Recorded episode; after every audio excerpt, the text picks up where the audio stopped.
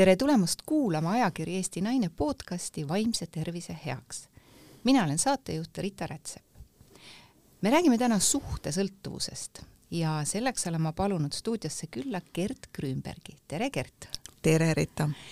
räägi palun natukene meie kuulajatele oma taustast, et nad saaksid aru, miks just sina täna oled siin stuudios ja räägid meile suhtesõltuvusest jaa, no see oli küll väga tore ettepanek, kui sa mulle helistasid, et mul oli nagu hea meel. no minu tee on olnud hästi niisugune sinka-vonka, et ma kunagi ise olles suhtesõltuvuses hakkasin otsima abi ja käisin gestaltteraapia koolitusel ja õppisin vabastava hingamise õpetajaks ja treejuhendajaks ja et ma teen neid asju siiamaani aga siis ma õppisin lisaks holistilist teraapiat ja transpersonaalset teraapiat. ja, ja, ja kuidagi ikka jäi mul kuklas oli kogu aeg see kaassõltuvuse teema, sest äh, juhtus nii, et mu ema äh, juba, ma ei tea, kaheksakümnendatel tõi Ameerikast raamatu Codependent No More ja, ja, ja siis ma alguses see lihtsalt seisis mul riiulis. naised, kes armastavad liiga palju, seisis ka riiulis ema kinkis ta on psühholoog uh,. ja siis ühel hetkel ma ikkagi tegin need lahti, hakkasin vaatama, et vau, ahaa, nüüd ma siis saan aru, mis toimub. sa tegid selle lahti siis, kui sa selleks valmis olid? jah.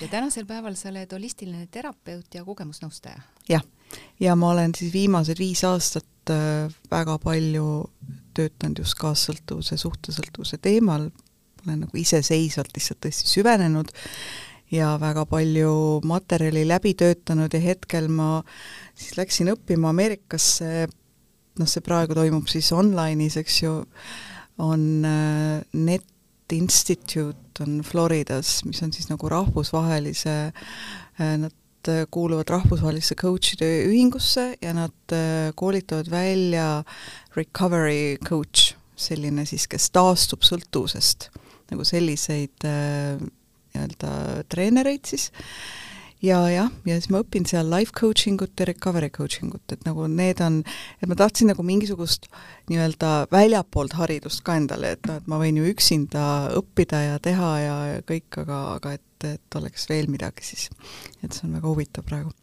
Et äh, kokkuvõttes võib öelda, et oma isiklikust kogemusest tulenevalt, et saada aru sellest, mis minu enda sees on toimunud, ehk siis sinu sees on toimunud, sa läksid seda teed, et saada aru, mida tähendab suhtesõltuvus ja tänasel päeval sa saad aidata inimesi sellest vallas ja,. jah, jah, jah. okei okay., ja ma saan aru sellest, et, et inimesed satuvad sõltuvusse tööst, toidust, šokolaadist, trennist, suitsetamissõltuvus, alkoholisõltuvus, aga mis asi on suhtesõltuvus, kas see on sõltuvus teisest inimesest või, või mis asi on üldse suhtesõltuvus? sa võtaksid selle kuidagi lahti mm? -hmm. no eh, vot see ongi huvitav, et eesti keeles räägitakse suhtesõltuvusest, aga see on tulnud ingliskeelsest terminist love addiction. et millegipärast eesti keelde ei ole seda tõlgitud, et on tõlgitud liigarmastuseks, naised, kes armastavad liiga palju, seal aga see on ju armastussõltuvus otse tegelikult, et suhtesõltuvus on siis sõltuvus äh, liik kus, mis põhineb nagu kahe partneri vahel, kes nii-öelda arvavad, et nad armastavad üksteist, vähemalt üks arvab, et armastab. et see on ikkagi nagu partnerite vaheline sõltuvus, kus teemaks on armastus. et kaassõltuvus võib olla üks sõltuvus ükskõik kelles, kas oma lapsest, oma vanemast, oma sõbrannast, oma töökaaslasest, naabrist et nagu kaassõltlane hakkab elama teiste inimeste elu, hakkab elama nende probleemidele nii tohutult kaasa, et ta unustab iseennast täielikult ära. ja noh, sellel on väga hävitavad tagajärjed äh,, aga armastuse sõltlane, ta võib olla siis nagu äh, sõlt-, partner on tema jaoks justkui objekt, tegelikult ta on sõltuvuses oma partnerist, aga selles, selles sõltuvuses äh, on siis see armastus on nii-öelda läbiv teema, aga aga nii et sellepärast inglise keeles ongi peamine termin on love addiction ja nad räägivad love addict ja love avoidant. mis nende vahe siis nüüd? no love addict on siis see, kes nagu väga-väga äh, pingutab suhte nimel, et ta ta nagu elab ainult siis selle suhte nimel, tema on see, kes käib teraapias, loeb raamatuid ja tohutult pingutab ja eitab seda reaalsust, mis toimub ja love avoidant on tavaliselt see, kes äh, tunneb, et temal on vaja rohkem ruumi enda jaoks, rohkem aega enda jaoks ja tal tihtipeale on ka endal mingisugused teised sõltuvused, siis kas ta on töösõltlane või nutisõltlane või temal on vaja nagu seda oma ruumi, et ta ei talu nagu äh, nii palju seda tohut- või ta ei vaja nii palju justkui seda lähedust. ta justkui eirab seda vajadust enda sees. nii et äh, noh, see armastuse sõltuvuses üks jookseb ja teine, üks jookseb järgi ja teine jookseb eest ära. See on nagu noh, niisugune pilt sellest, eks ju. aga et selle armastuse sõltuvuse sees siis äh, Annie Wilson Sheff on üks hästi huvitav autor, kes on palju kaassõltuvuse, suhtesõltuvusega tegelenud ja ta oma raamatus Escape from Intimacy, ta nagu eristab siis selles armastuse sõltuvuses kolme erinevat ähm, nagu varianti, et üks on siis suhtesõltlane, suhtesõltlane äh, ta on siis selline inimene, kes otsib suhet, ükskõik millist suhet, peaasi, et olla suhtes. ja, või siis teine, kel, kes jääb sõltuvusse konkreetsest inimesest, et ta peab olema suhtes selle inimesega, tulgu või surm. Ja tema jaoks ei ole nii tähtis seks ja tema jaoks ei ole ka nii tähtis romantika et äh, Ali Wilson Chefs eristab seksisõltuvust, romantilist sõltuvust ja suhtesõltuvust just nimelt selle prioriteetide ja vajaduse järgi. et, äh, et kui näiteks seksisõltlane, tema jaoks on seks prioriteet, et ta, ta, ta ajab segamini seksi ja armastuse. Ta arvab, et kui on hea seks, siis tähendab, meil on armastus. Ja kuna see seks ju tegelikult suhteliselt kiiresti nagu see põnevus kaob sealt ära, siis seksisõltlane mõtleb, et nii, nüüd on armastus otsas, ma pean leidma uue partneri või et meie seks on muutunud igavaks, ma peaks leidma kedagi, kellega on nagu sügavam ja huvitav, põnevam ühendus ja ja kõik see tantravärk siin otsa, eks ju, et noh, et nagu, et nad on nagu selle seksuaalse naudingu järel rohkem ja see suhtes olemine ei ole nii tähtis ja ei Tema ole ka romantika nii tähtis. see tegelikult suhe. jah mm -hmm., jah, et tal on nagu ja mis on veel huvitav minu meelest, et millest ma ei ole siin Eestis nagu ma ei ole märganud, et räägitakse, et äh, läänes nad äh, vaatavad nagu, et kui on inimene on sõltlane, tal on tavaliselt mitu sõltuvust koos. et ta võib olla seksisõltlane, alkoholisõltlane, suhtesõltlane ja töösõltlane korraga ja need sõltuvused vahet, vahetavad kohti olenevalt eluperioodist.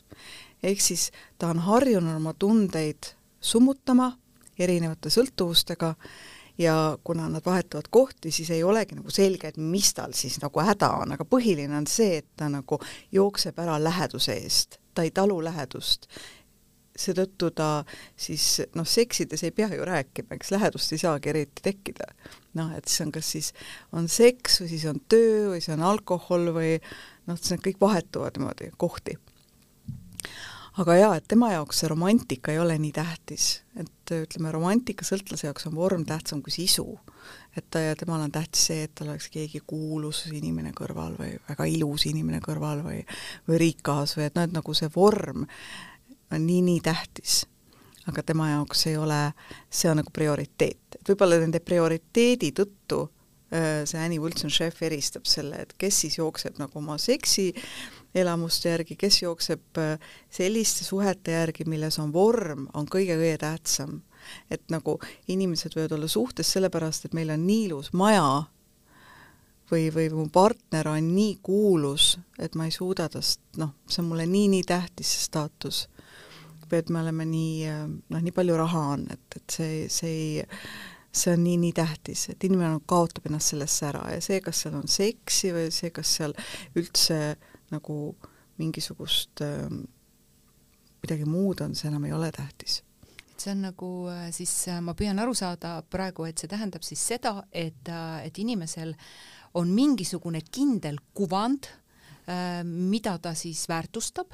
Ja, ja ja selle suhtes on tal siis kõige muu suhtes on tal roosad prillid ees, et ta nagu muid asju ei näegi ja ta ei oskagi neid üldse nagu tähele pannagi et kui me võtame nagu suhte kui niisugune, siis äh, selles aktsioonis partnerlussuhtes on kaks inimest. Ja, ja see peab olema võrdväärne, et oleks võrdväärne partnerlussuhe. aga, aga sellises suhtes ei ole võrdväärset partnerlussuhet, vaid äh, seal on äh, üks inimene, kellel on mingi kujutelm. Ja, ja et suhtesõltuvuse puhul või see armastuse sõltuvuse puhul me ikkagi räägime sellest, et see algab eitamisest, see algab sellest, et me eitame reaalsust ja, ja ka ei ole tegelikult kontaktis iseendaga, et et armastuse sõltlane loob, pingutab suhte nimel teisega, aga, aga suhe iseendaga tal tegelikult puudub.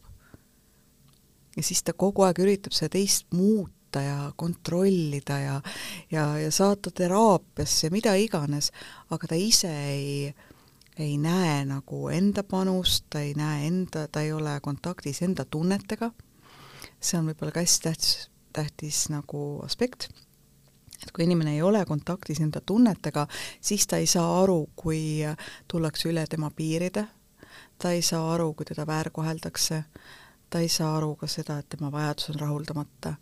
ta nagu eirab seda reaalsust tegelikult. et reaalsuse eitamine on nagu põhiprobleem igasuguste sõltuvussuhete puhul, nii kaassõltuvuse kui armastussõltuvuse.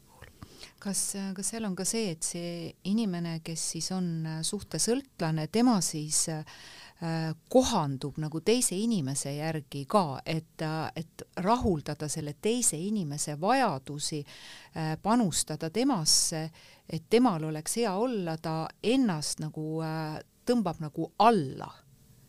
Et, et armastus on see, kui teine pool on rahul jaa, jaa, see on hästi hea, et sa selle aspekti välja tood, et see meeldida tahtmine on kindlasti üks nagu selle klammerduja omadusi ja ka tegelikult selle hoiduja omadusi mõnikord, et nad, nad mõlemad äh, võivad siis üritada teisele meeldida ja selle meeldida tahtmisega nagu muutuvad kameeleoniks, et nad nagu kohanevad kogu aeg sellega, mida teine siis ootab, üritavad kohaneda ja see ei tule muidugi ju välja. et, et see on selline täiesti noh, tegevus, kus keegi, kõik on lõpuks rahulolematud.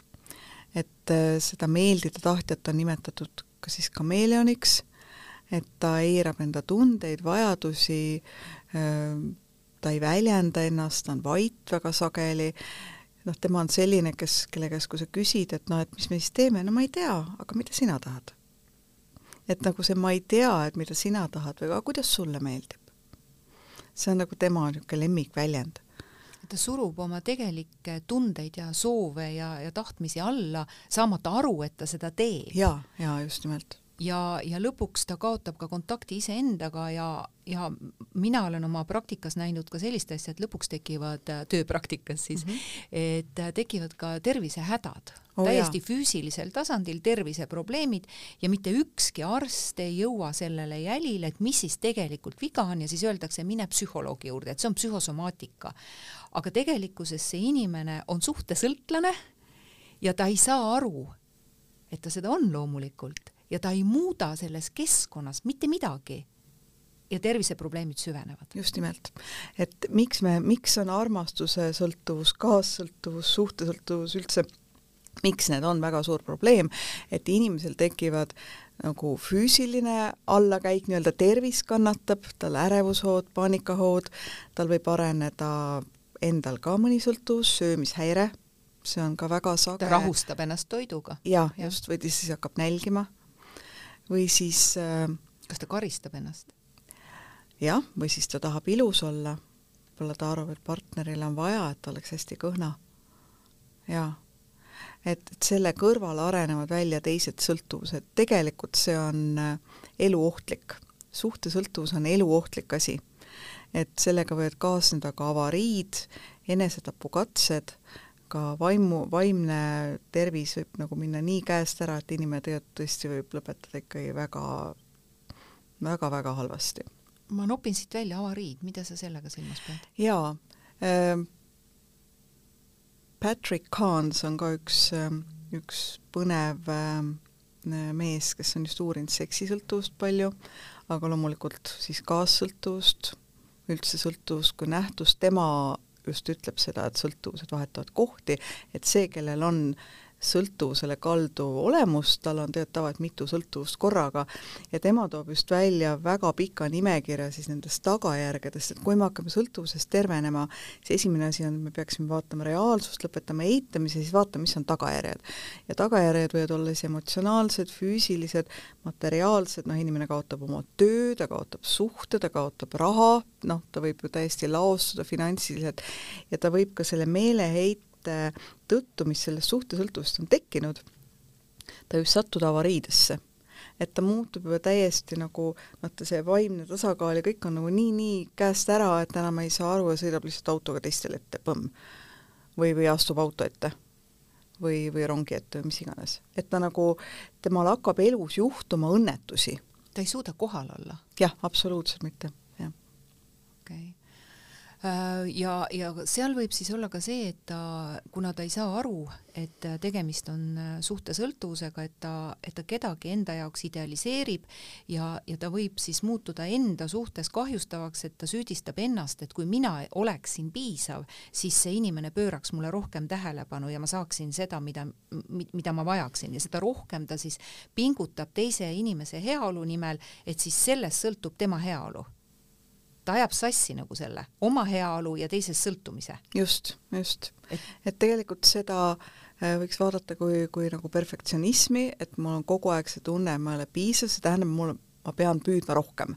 ma pean olema saledam, ma pean olema kenam, ma pean olema töökam, hoolsam, korralikum, ma pean olema mida iganes, mida see partner võib-olla tahab, sest nad ju omavahel tavaliselt ei räägi, ta kujutab ette, et partner tahab mingisugustest lausekatketest nopib üles, et okei okay,, et ta vist tahab seda, talle vist meeldivad ta sellise. ennustab kogu ja, aeg ja, midagi. ta eeldab ja täpselt ei tea ja kuna noh, perfektsionismi puhul ju see latt kogu aeg kerkib ülespoole, ehk siis seda ei ole kunagi võimalik saavutada, siis ta muudkui püüab ja püüab ja püüab ja võib-olla partner, kuna noh, näiteks kui partner tuleb ka teraapiasse, siis selgub, et partneri jaoks need asjad ei ole isegi nii tähtsad noh, nagu me teame, et suhte alus on kommunikatsioon, aga selles suhtes, sellises suhtes kommunikatsiooni ei toimu, lihtsalt ja, ei ja. toimu. aga mida sina arvad, kust kohast üldse pärineb selline käitumismuster, et, et üks inimene hakkab käituma suhtesõltlasena? et noh, suhtes on kaks poolt, et miks üks inimene laseb niimoodi käituda, et kas ta siis ei märka oma partneri sellist käitumist äh, või siis teiselt poolt vaadates, et miks üks hakkab üldse niimoodi käituma, kust see pärit on? no nagu ikka, kõik saab ka alguse lapsepõlvest, aga mis, mis seal toimunud on? ma ikka tooks ühe asja veel siia sisse, et tegelikult mõlemad on sõltuvuses. üks on kaassõltlane? jah, et nagu ja nad vahetavad kohti, et see on ka minu arust huvitav, et üks no ma kohe vastan sellele, et kust see tuleb ka, aga et et suhtesõltuvuses on üks käitub nagu lapsevanem ja teine käitub nagu laps. see, kes klammerdub tohutult, siis ta on nagu selles lapse positsioonis, et ta ootab nagu teiselt midagi. ta, ta põhimõtteliselt nagu armudes inimene regresseerub, jah, ta muutubki nagu lapseks. ja mida suuremad on tema lapsepõlve haavad seda rohkem ta klammerdub kellegi külge, kes talle meenutab seda tunnet, mis tal lapsepõlves siis oma hooldajatega tekkis, see, see ei ole võib-olla isegi konkreetselt ema või isa, see võib olla mingi kombinatsioon ema, isa, vanaema, mingi õpetaja, noh, mingisugune see tunne on seesama, mis tek-, tekib, et ma ei ole piisav. ma ei ole armastust väärt. et nagu suhtesõltuvuse all, kõige all või selle armastuse all, armastuse sõltuvuse all on ikkagi väärtusetuse tunne. et ma ei ole väärtuslik. mina ei ole piisav ja siis ma pingutan ihust ja hingest, et olla piisav, teadmata, mis on piisav. jah. aga, aga see kohtade vahetamine on huvitav, et tegelikult äh, kui kaks inimest on koos, nad, nad on mõlemad üksteisest sõltuvad. üks lihtsalt äh, justkui väliselt pingutab rohkem aga see teine, kes ära jookseb, on sama sõltuv, ta ei suuda ära minna. et isegi kui ta lahutab, isegi kui ta läheb ära ja ütleme, leiab uue partneri, tal on ikka mure, et aga et ei tea, kuidas see hakkama saab, järsku ma peaks teda aitama, järsku ma peaks talle raha andma, teda ülal pidama, mm, järsku ma peaksin veel midagi tema jaoks tegema. et temal on sõltuvus sellest kontrollimisest ja hoolitsemisest, et ta on nagu liigvastutav miks nad siis kokku sattusid? no see on ju perfect match üks tahab vastutuse ära anda, et hoolitse, kas sa hoolitseksid minu eest. ja teine küsib mõttes, kas sa vajad mind. et nagu need kaks küsimust on inimeses, inimeste sees ja siis ongi täiuslik klapp. ja sellepärast nad said kokku, et oleks ja. vaja nagu see asi ära ravida, see haav. aga nad ei taha ära õppida. no nad ei näe seda haava, et võib-olla sellepärast me siin täna räägimegi. just, et seda nägema hakata aga, aga lähme selle küsimuse juurde tagasi, et mis sina arvad, kust see pärineb? no natuke oleme viidanud sellele, et lapsepõlvest, mis seal lapsepõlves siis juhtunud on? no seal lapsepõlves, ma ei tea, mina oma tööpraktikas näen, et, et see võib juhtuda ikka igasugustes peredes, noh, loomulikult peres, kus lapse vajadusi eiratakse, et see vanem on ju lapse peegel, eks ole, et kui vanem on väga hõivatud kas tööga või või omaenda suhteprobleemidega või ükskõik millega, kui tal ei ole nagu silmi lapse jaoks, siis laps kaotab tunde ise, kaotab nagu oma tunnetega kontakti ära oma vajadustega, et vanem ei märka teda. see on ja noh, muidugi kui peres on alkoholism, siis see juhtub alati tegelikult, et äh, siin ei, et ka need lapsed, kes justkui saavad oma eluga väga hästi hakkama, olgugi et nad on kasvanud üles alkoholiprobleemiga peres, siis tegelikult nad on tavaliselt siis kasvanud selliseks kangelaseks, liigvastutavaks, liigtubliks. ja nemad väga kergesti võivad sattuda siis paari inimesega, kes on klammerduv või abitu või, või selline kättesaamatu või mis iganes. et need kang-, nii-öelda head lapsed, kes on üles kasvanud jah, selle uskumusega, et ma pean olema hästi hea. tegelikult minu praktika näitab seda, et seal ei pea isegi väliselt olema mingisugust väga suurt draamat. aga tal on uskumus, et ma pean olema hea ja ma pean olema tubli. Ja siis ta ongi nii, nii tubli, tubli, tubli aga see äh, on siis ikkagi ka see, et, et see väike laps, kelle maailm on veel väike, kes sõltub oma vanematest, kes tahab nende toetust, lähedust, tunnustust, kõike seda, kui ta seda ei saa, siis ta arvab, et tema ei ole piisav ja siis ta pingutab ja pingutab, et sellelt vanemalt siis seda saada. just, just. ja siis ta hakkab tubliks. jah. jah, ja siis ta on terve elu tubli. Ehk siis ta otsib ka selliseid suhteid, kus ta saab olla tubli ja kus ta saab pingutada. aga noh, seal peres võib ju olla ka äh, ütleme, väga lihtne, kas laps hakkab väga heaks, hakkab väga halvaks või muutub nähtamatuks. nagu need on kolm, kolm niisugust põhi, põhivarianti ja nad kõik võivad sattuda sõltuvussuhetesse tegelikult mm. -hmm. et suhe ju tulebki äh, meie sellises esmases kiindumussuhtes tekkinud probleeme lahendama, selle järgi me seda partnerit ju valimegi. just nimelt, et see kiindumussuhe, mis, kas ta on ärev kiindumussuhe või ta on selline hoidusuhe, kus ei olegi tegelikult seda lähedust olnud, sest näiteks perekondades, kus ei ole justkui tunnetest räägitud, kus ei ole omavahel üldse räägitud, kus kõik on justkui väga rahulik, meil on kõik väga hästi. Need inimesed ei oska ka nagu lähedussuhtes olla. Nad võivad olla elus väga-väga tublid, aga neile võib tunduda, et see partner muudkui tahab rääkida minuga, muudkui tahab kallistada mind, jube tüütu mm. -hmm. meil on ju kõik hästi, mis ta veel tahab? jah äh,, kui sa võtad äh, suhtesõltlase jooned, sellised käitumismustrid, et kui tõsta nad välja, et kui meie kuulaja praegu kuulab, mõtleb, et ahah, millest nad seal räägivad, mis teema see nüüd on selline, et võib-olla see ei puuduta teda, aga võib-olla see puudutab kedagi, keda ta teab näiteks, et äh, kas siis oleks mõistlik sekkuda, no mitte sekkuda otseselt, aga võib-olla viidata, viidata mingitele märkidele või kas või sellele, et kuula seda saadet, eks. et äh, mida tähele panna, millised on sellised millised jooned sa välja tooksid, et, et ma saaksin aru, et kas mina või keegi teine või minu partner või et, et tal on sellised suhtesõltlase jooned, kas, kas saab sealt midagi nagu välja tuua kohe? või käitumismustrid?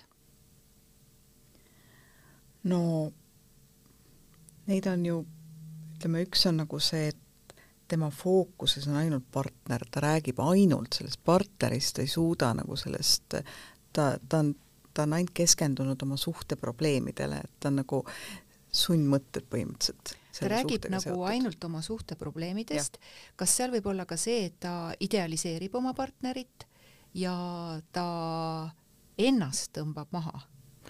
See on üks asi jah, et ta Nii. ennast tõmbab maha, idealiseerib, aga ta võib olla ka väga süüdistav oma partneri suhtes. teisipidi hoopis, et ja. ta kogu aeg räägib sellest, mida kõik tema partner valesti teeb. just nimelt mm. -hmm. ja kuidas ta peaks muutma ja kuidas ta peaks äh, äh vähem tööd tegema, vähem jooma, vähem telekat vaatama, vähem arvutis olema. aga kuidas ära eris, eristada see suhtesõltuvuse niisugune igapäevane virisemine ja vingumine, mida väga tihti tehakse?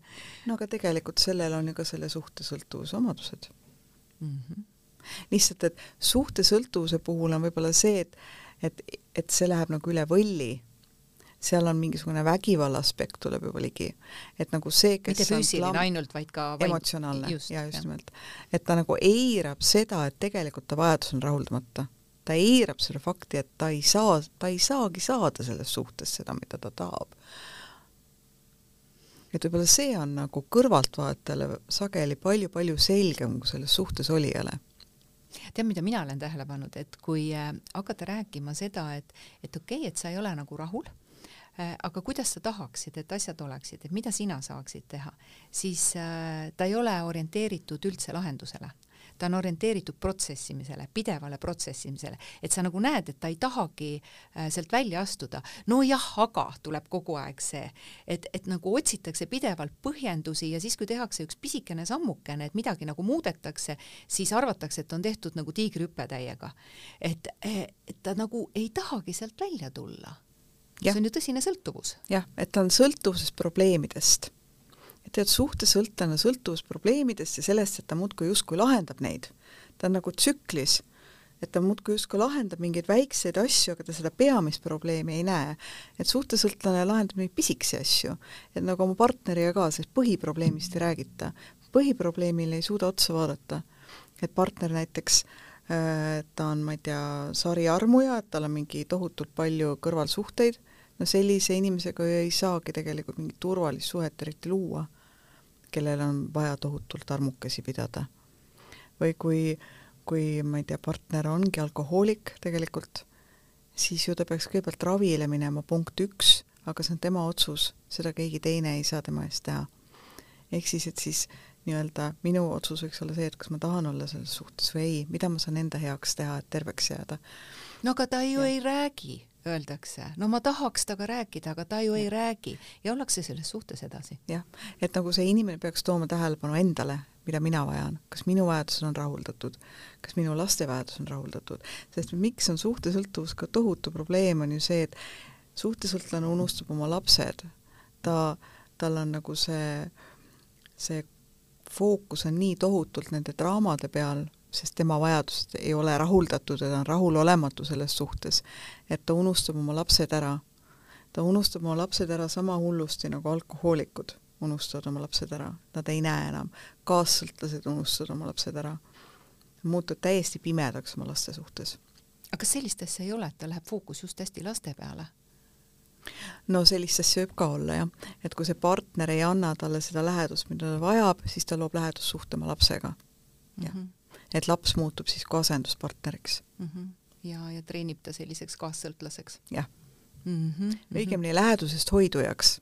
et sellised lapsed nagu, kes on olnud oma vanemate jaoks siis asenduspartnerid, nad, see on nende jaoks emotsionaalselt niivõrd koormav Äh, kuulata vanema kurtmist, olla talle toeks, teha tema eest otsuseid, kas minna lahku või mitte. Et ta tulevikus, kui ta on ise täiskasvanud ja hakkab otsima endale partnerit, siis tema jaoks nagu lähedus alateadlikult seostub selle koormaga, mida ta oma vanemaga tundis. et ta võib hakata kartma nagu päris lähedussuhtes olla kuule, väga mustaks läks kõik jaa, sellest räägib Piia Melodi raamatus Facing Love Addiction, et see oli päris rabav äh,, päris usutav äh,, jah. Ja ma olen seda nagu näinud oma töös ka, jah.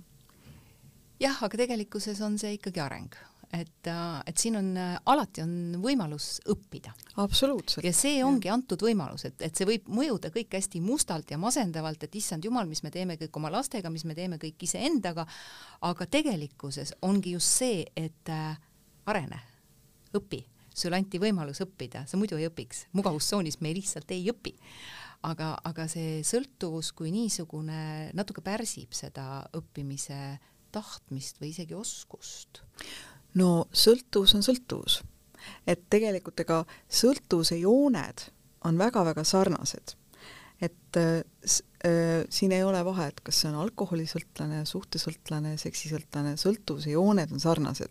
see inimene on väga enesekeskne mm. -hmm. kas ja. sa saad kuidagi need jooned ka välja tuua? jah, et ta on enesekeskne, ta nagu äh, ehk siis nagu pime teiste vajadussuhtes, ta on nagu väga mina, mina, mina, eks ju, siis on see eitamine, et ta kipub ratsionaliseerima oma tundeid ja olukordi, vähendama nende tähendust, võrdlema ennast teistega, mõtlema, et no jaa, aga näed, naabrinaisel on palju hullem, tähendab, minul ei ole eriti suurt probleemi. põhjendab kõik ära? jah, kõik on põhjendatud. ise usub ka? just, just. ja ta tegelikult ka hakkab nagu äh, valetama siis endale ja teistele, et seda pilti paremana hoida ja ta hakkab ka siis sellega koos loomulikult hakkavad saladused, et, et ta peab nagu salajas seda, mis tegelikult toimub. ja see, see puudutab nagu kõiki sõltlasi. no alkoholisõltlase puhul on see lihtsalt nii ilmselge ja sellega koos ta ka isolis-, isoleerub nii-öelda teistest, et ta, tal kaovad ära suhted oma sõpradega, võib-olla oma perekonnaga, et suhtesõltlane eriti, et ta, ta nagu klammerdub nii totaalselt oma partnerisse, et tema suhted oma õdede, vendadega, vanematega, sõpradega muutuvad väga hõredaks äh,. Siis ka see, et tal ei ole piire, et ta tegelikult nagu ei oska hoida enda piire ei oska austada teise piire.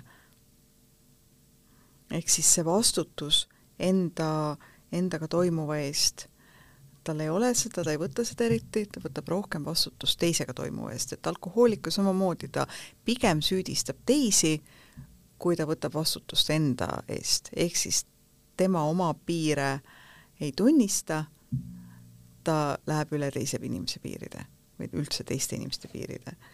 siis ka tegelikult äh, sõltuvusega kaasas käib ka see ülevastutamine, et ka alkohoolik võib olla väga kõva ülevastutaja näiteks tööl. on ju äärmiselt palju toimivaid alkohoolikuid, kes tegelikult nagu on samal ajal ka töösõltlased. et ja see on, ja noh, suhtesõltuvuse puhul on ka see ülevastutamine, eks ole, siis üks vastutab mingis aspektis üle ja teine vastutab ala ja need rollid vahetuvad. et suhte puhul võib olla nii, et üks vastutab väga-väga palju raha eest ja teine üldse raha ei teeni, vaid hoolitseb kodus laste eest ja ta käitub siis noh, selles osas ta on nagu, sõltub oma partnerist, et tal ei ole enda sissetulekut, ta on ülalpeetav. selle tõttu on ta ka abitu, ta ei saa sellest suhtest välja minna. ehk siis ta funktsi-, on alafunktsioneeriv. ja siis muidugi see, mis me rääkisime ennem, see meeldida tahtmine, see kameeleoniks muutumine, perfektsionism, ehk siis ma ei ole piisav noh, sellega kaasneb häbi kogu aeg, kui ma ei ole piisav, siis on ju väga häbi, siis ma peaksin seda varjama, noh, kõik see asi. ja, ja kõik, no võib-olla Karpmani kolmnurk on ju hästi hea, mis seda kirjeldab, et noh, et sõltlased, kaassõltlased, suhtesõltlased liiguvad selles Karpmani kolmnurgas, ehk siis nad päästavad, on ülevastutavad, ülehoolitsevad, siis nad on, kritiseerivad teist süüdistavad, õiendavad, miks teine ei muutu, miks ta on selline ja selline, ja kumbki variant ei toimu, siis nad ikkagi kukuvad sinna ohvrisse, et vaene mina. kuidas minul küll nii on halvasti läinud. et nagu nendes kolmes punktis liikumine, noh, on väljapoolt jälle väga-väga selge tegelikult, et ta kogu aeg liigub, kas ta siis päästab, püüab hea olla, süüdistab või siis halletseb ennast. aga sõltlane ise seda ei näe ta on nii emotsionaalselt selle sees. jah mm, -hmm. et ta elab nagu teise elu, teise jaoks. aga sa mainisid ka sõltuvustsükli tsüklid, see on, ma saan aru, alkohoolikul on nagu tsüklid, eks ju, aga kui sõltuvuskäitumine on sõltuvuskäitumine ja suhtesõltuvus on sõltuvuskäitumine, siis kuidas avaldub suhtesõltuvuses sõltuvustsüklid?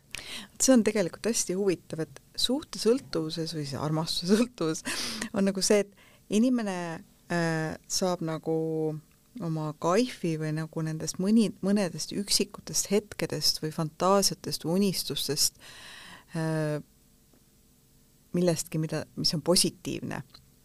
et suhe võib olla äärmiselt äh, halb, aga ta mäletab, et ükskord äh, ta tegi midagi väga-väga romantilist äh,. või, või näed, me käisime sel nädalavahetusel väljas söömas, tähendab, et on ikkagi lootust. See oli kümme aastat tagasi ilmselt no aga ta vaatas mulle otsa eile. no midagi, tähendab, see asi läheb lõpuks juba täiesti nagu, nagu ta ütles äh, mulle tere hommikul. jaa, eks ju, jah. või ta ma olen, ma olen sellist asja kuulnud. no vot, just nimelt. et, et nagu inimesed jäävad sõltuvusest, nad hoiavad kinni mingitest pisikestest positiivsetest asjadest, mis annab neile nagu selle hai. Nagu need lootusetud lootused, mingisugune see nii-öelda see mis selle kohta nüüd eesti keeles öelda, inglise keeles on see high. kõrgetk?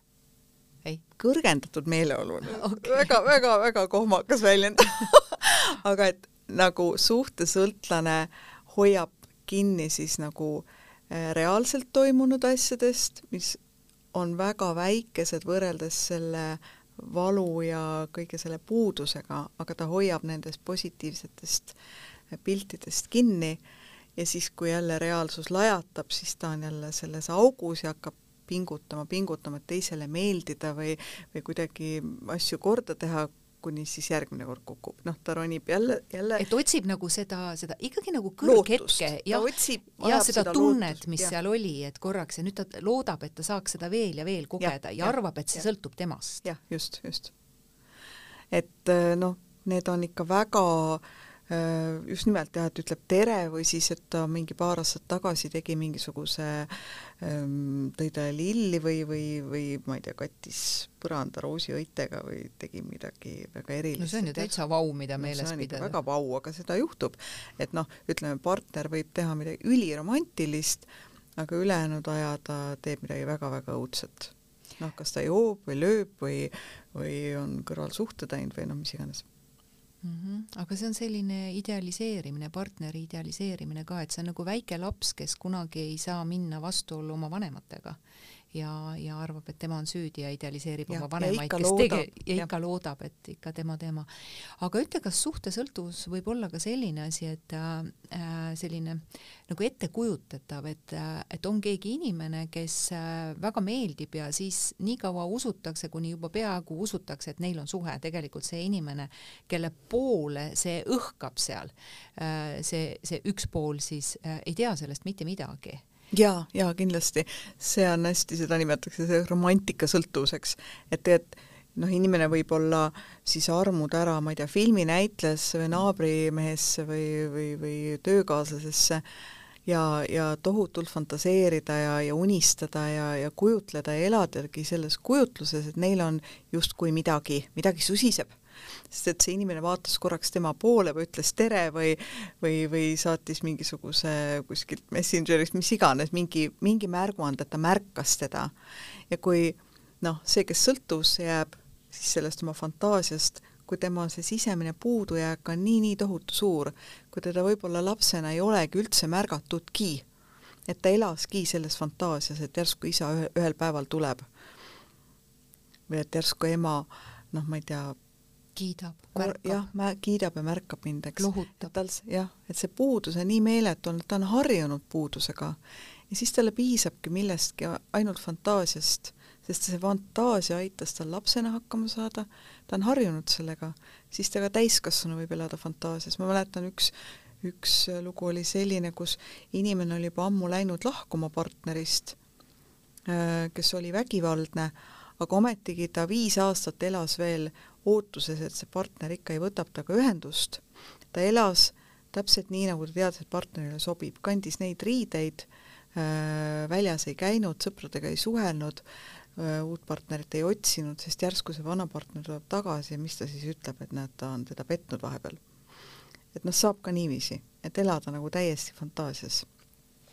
jah, et see on nagu selline passiivne romantikasõltuvus nojah, ja ajukene ei tee vahet, eks ju, et kas ja. ma unistan või see on nüüd reaalsus, et nii kui ma siin unistan ja mõtlen, siis ma lähen juba kogu oma tunnetuse ja emotsioonidega selle sisse ja see muutubki juba inimese jaoks reaalsuseks.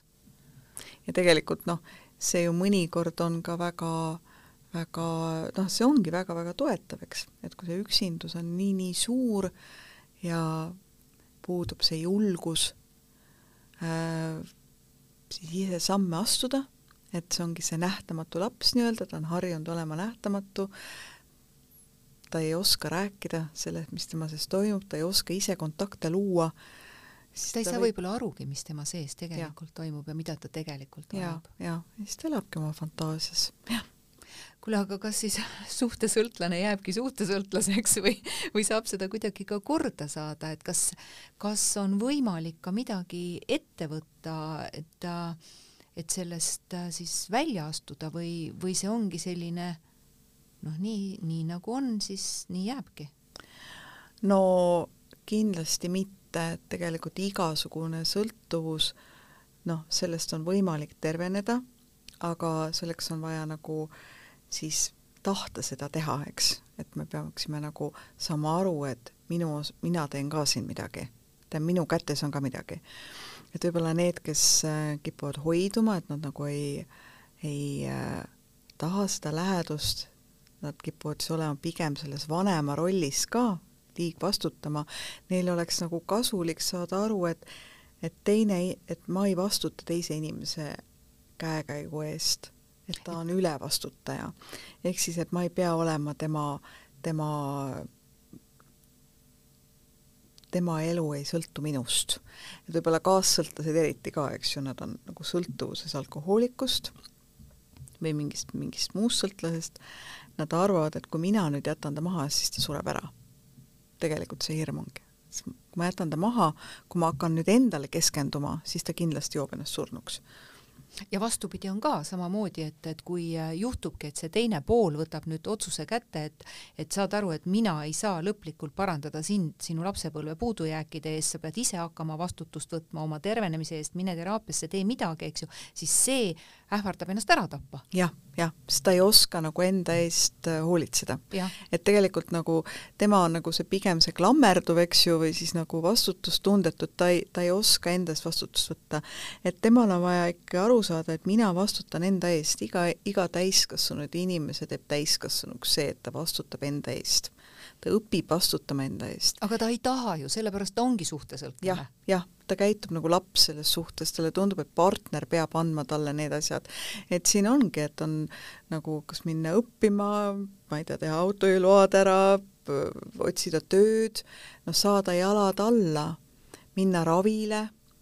midagi muuta. aga ei taha ju nojah, no siis, siis siis, siis ongi lõpp, siis, siis ongi lõpp, jah ja., et see on valik tegelikult, see on tema valik, kas ta nagu, et tema elu on tema kätes, meie elu on meie kätes, et kas ma tahan äh, võtta vastutuse enda eest või mitte, siin on see küsimus, jah aga väga suur hirm on võtta vastutust, sest no, et seesama väike laps ju tahab, et äh, vanemad ju vastutavad, nii nagu lapsepõlves ja, ja seal võib olla ka see, et ta, ta ju karistab ka ennast, et mina ei ole piisav, mina ei ole ikkagi täiuslik, miks mu vanemad minu poole nagu ei pöördu sedasi, nagu ma ootan, et mis on ühele lapsele normaalne vanema poolt saada seda armastust ja ta ei saa, siis järelikult mina ei ole piisav, ta karistab ennast.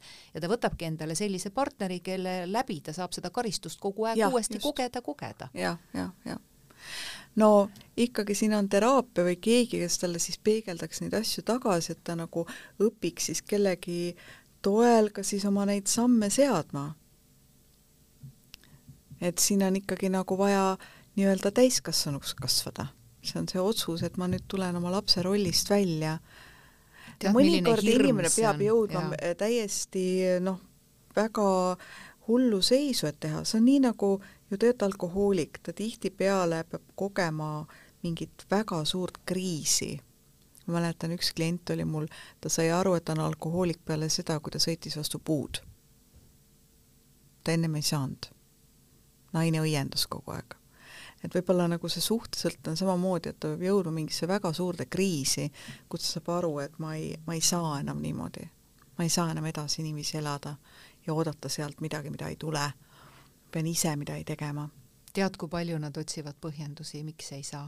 jah, ei muidugi. tohutult palju. no aga nii nagu alkoholisõltlane, ta leiab lõputult põhjendusi, miks ta äh, peaks joomis, miks joomine on hea talle. mulle meeldib see lõõgastab mind, miks ma peaks selle lõpetama? et sellepärast ikkagi sõltlane peab kogema mingit kriisi, et saaks aru, et enam edasi nii ei saa. aga kui ta selle kriisi sees on, siis muidugi noh, oleks oluline võib-olla leida siis keegi, kes teda toetab tera-, terapeudi näol või nõustaja näol, et kes siis aitaks talle seda nii-öelda peegeldada, neid olukordi. et see äh, Äh, see, kes klammerdub, peab ikkagi laskma lahti sellest lootusest, keegi teine vastutab tema eest. See, see oleks siis nagu vaja kedagi, kes võtaks need prillid eest ära ja, ja näitaks, milline see maailm on. alguses tundubki väga udune, sest me oleme harjunud nende prillidega nägema ja tahaks õudselt need prillid etta, noh nagu ette tagasi panna. aga teeks äkki niimoodi, et äh, sa annad siin ja praegu mõned harjutused, et äh, võtame prillid eest ära ja, ja ja mõtleme selle peale, et kui nüüd kedagi see teema kuidagigi kõnetas, mida siis hakata märkama, mida hakata harjutama, et alguses on tõesti ju ebamugav, et võtan prillid ära, üldse ei näe, üldse ei näe, tahaks ruttu ette tagasi panna, eks mm, -hmm. aga et ähm, võtame ära need eest ja tasapisi hakkab see pilt minema selgemaks, kui vaadata ilma prillideta. on sul mõni harjutus anda, mida hakata siis tegema? nii, üks oli see, mida sa rääkisid tegelikult nagu piiridest. piiride tundmaõppimine jah, praegu on tegelikult müügil üks Pane paika oma piirid, väga hea raamat. ahah, me soovitame kohe raamatu, Pane paika oma piirid. Nonii. et seal me saame tegelikult need piiride, piirid oma lastega, oma partneriga, oma töökaaslastega, et mis need piirid üleüldse tähendavad. et piiride puhul üks asi on see, et me peaksime ennast väljendama noh, et oma vajadusi, oma tundeid, see on ju piir, ma näitan, kes ma olen. ja teine asi on see, et me peaksime ka nende järgi tegutsema.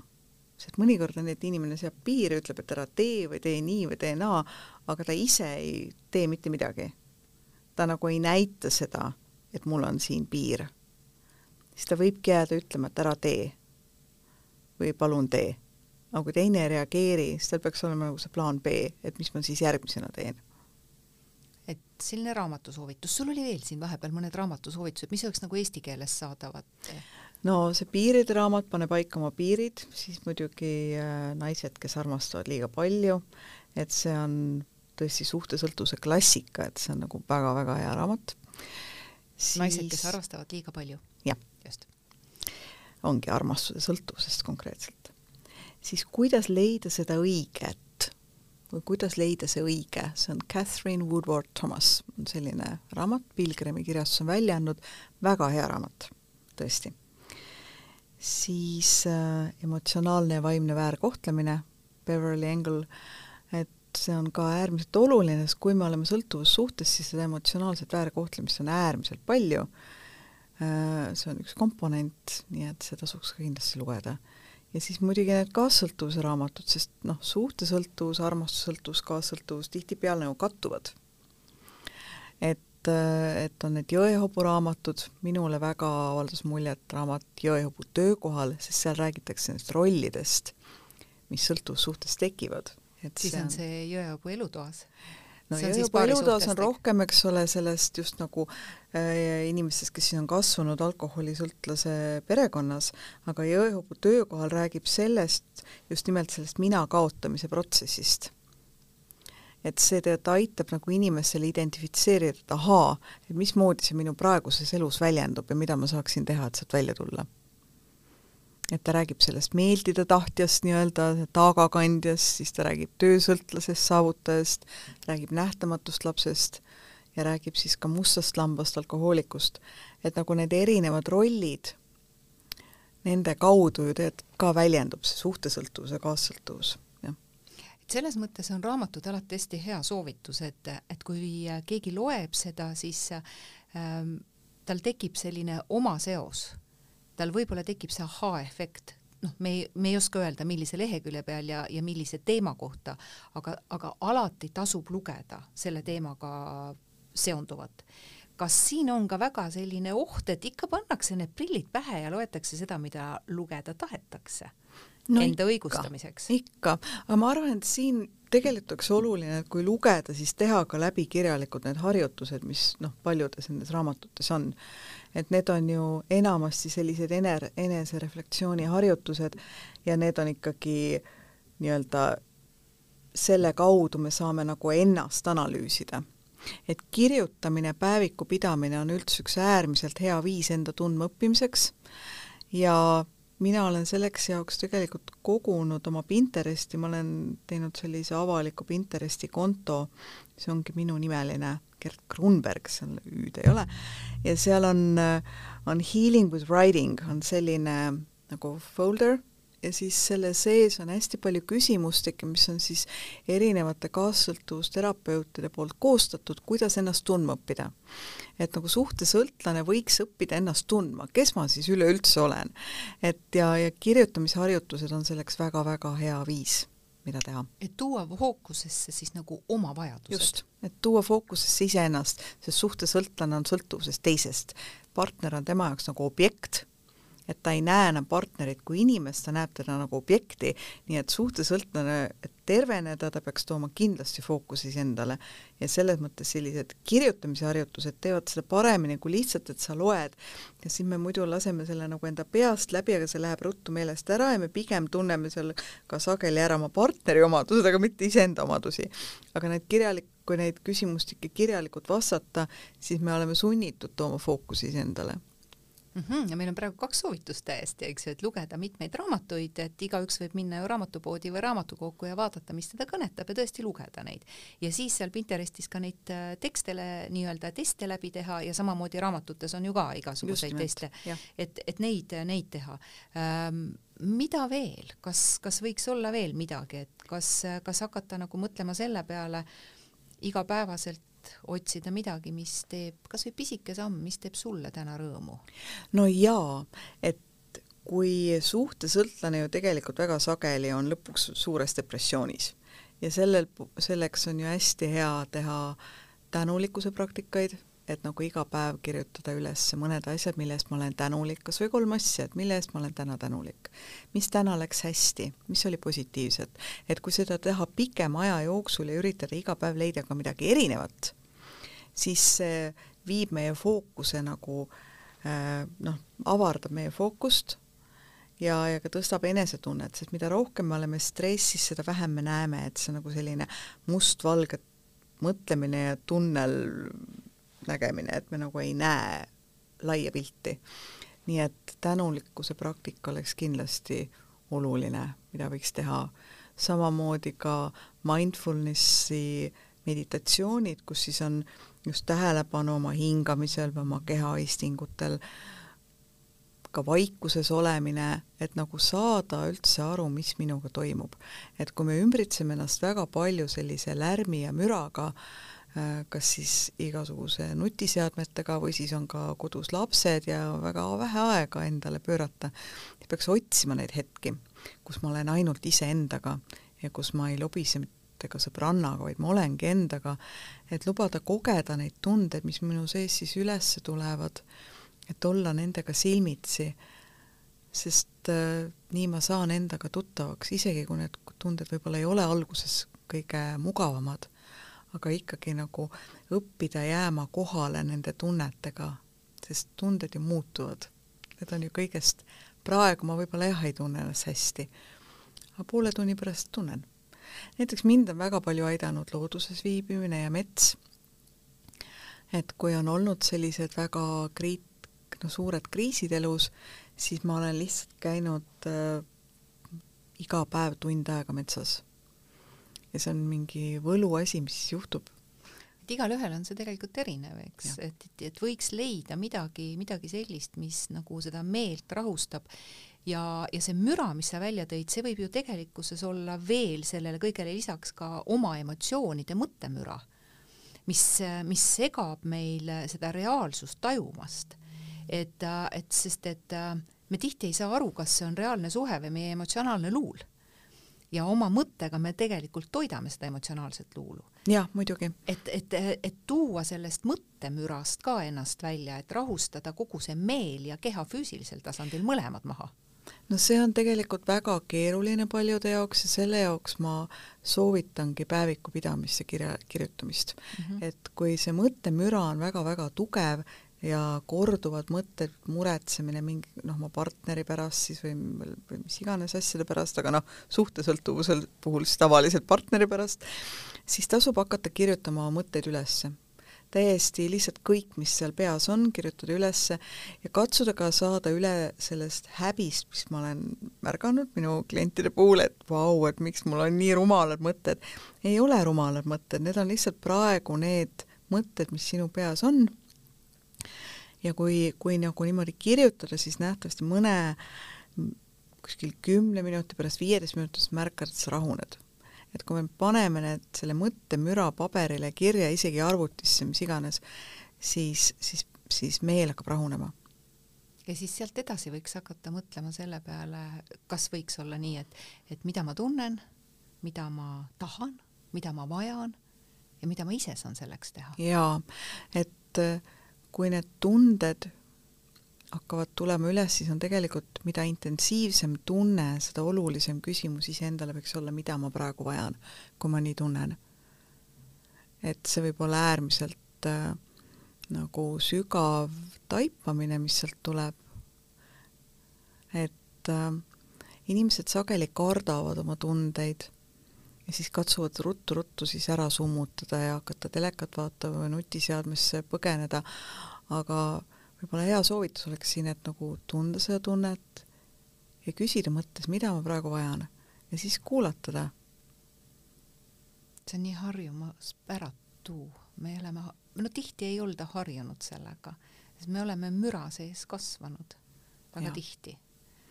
olme, olmemüra ja mõttemüra et see hirm iseenda ees, iseennast kohata on nii suur, aga tegelikult seal on lahendus.